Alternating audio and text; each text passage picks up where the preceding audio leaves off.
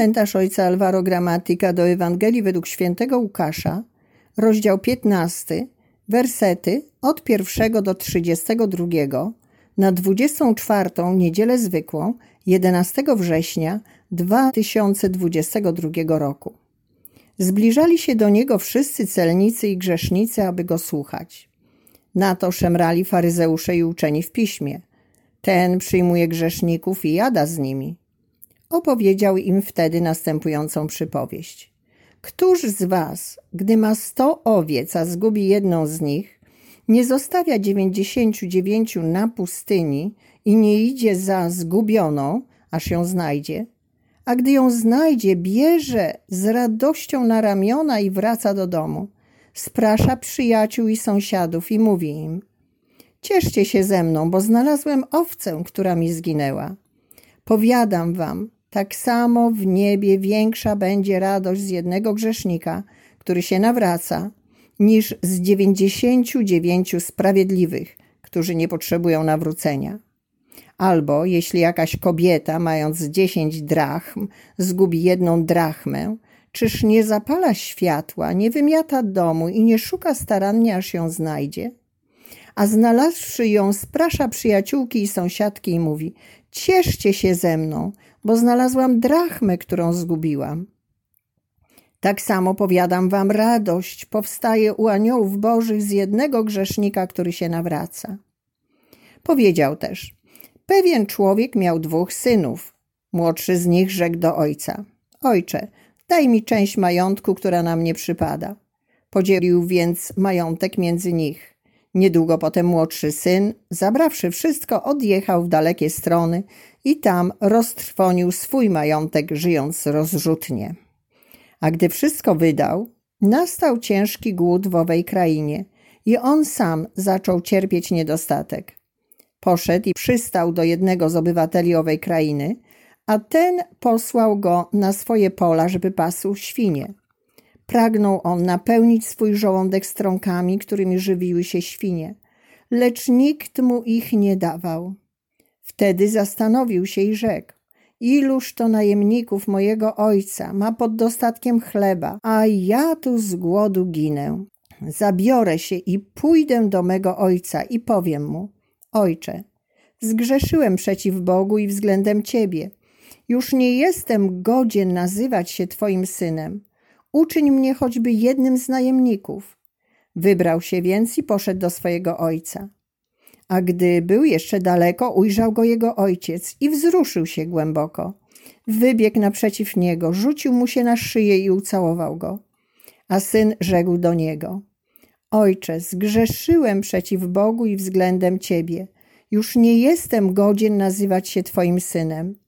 Lecz ojciec rzekł do swoich sług: Przynieście szybko najlepszą szatę i ubierzcie go. Dajcie mu też pierścień na rękę i sandały na nogi. Przyprowadźcie utuczone ciele i zabijcie. Będziemy ucztować i bawić się, ponieważ ten mój syn był umarły, a znów ożył. Zaginął, a odnalazł się i zaczęli się bawić. Tymczasem starszy jego syn przebywał na polu. Gdy wracał i był blisko domu, usłyszał muzykę i tańce. Przywołał jednego ze sług i pytał go, co to ma znaczyć. Ten mu rzekł: Twój brat powrócił, a ojciec twój kazał zabić utuczone ciele, ponieważ odzyskał go zdrowego. Na to rozgniewał się i nie chciał wejść. Wtedy ojciec jego wyszedł i tłumaczył mu. Lecz on odpowiedział ojcu: Oto tyle lat ci służę i nigdy nie przekroczyłem twojego rozkazu, ale mnie nie dałeś nigdy koźlęcia, żebym się zabawił z przyjaciółmi. Skoro jednak wrócił ten syn twój, który roztrwonił twój majątek z nierządnicami, kazałeś zabić dla niego utuczone ciele. Lecz on mu odpowiedział: Moje dziecko, ty zawsze jesteś przy mnie i wszystko moje do ciebie należy, a trzeba się weselić i cieszyć z tego, że ten brat twój był umarły, a znów ożył, zaginął, a odnalazł się. Dwa słowa pomagają nam zrozumieć te przypowieści o miłosierdziu. Wszyscy i radujcie się ze mną. Zazwyczaj Jezusowi towarzyszył mieszany tłum, z którego wyłaniały się dwie główne grupy. Z jednej strony grzesznicy, z drugiej faryzeusze. Dwie kategorie o różnych oczekiwaniach. O ile grzesznicy zbliżają się, aby otrzymać miłosierdzie, faryzeusze zachowują się ostrożnie i dociekliwie. Wydaje się, że irytuje ich sposób, w jaki przyjmowani są przez Jezusa grzesznicy. Przypowieści mówią o owcy i monecie, które się zgubiły.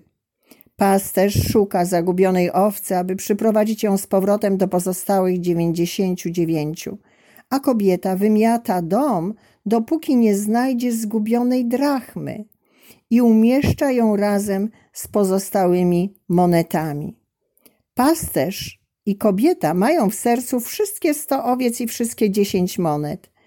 Nie jest do pomyślenia, żeby coś zginęło. To pozwala nam zrozumieć znaczenie wszystkich. Wszyscy, grzesznicy i faryzeusze, są na tym samym poziomie. Dla faryzeuszy świat jest podzielony na dwoje: sprawiedliwych i grzesznych z ich prawami i obowiązkami. Natomiast dla Jezusa nie istnieje taki podział i nie ma osobistych preferencji.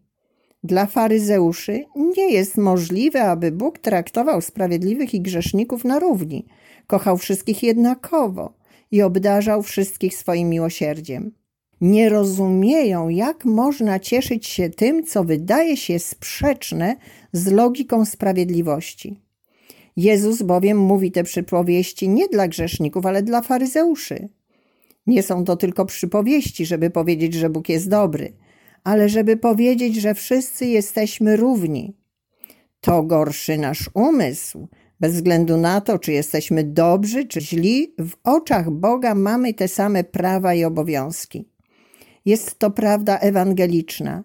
Bóg jest dobry dla wszystkich. Liczy się nie to, co robię, ani kim jestem, ale to, kim jest Bóg. A On jest miłosierny, Jesteśmy wezwani, by nawrócić się na to miłosierdzie. Jezus zachęca nas, abyśmy uznali siebie za grzeszników, aby przyjąć Jego dobroć i radować się z Jego przyjęcia.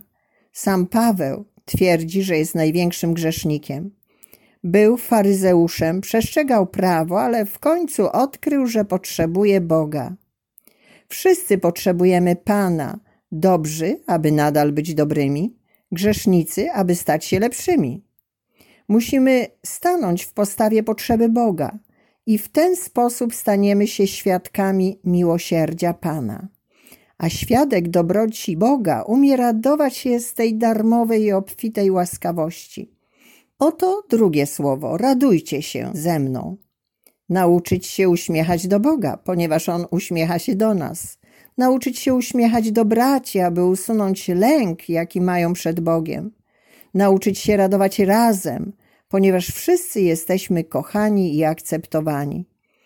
To jest nasze świadectwo, które objawia serce Boga.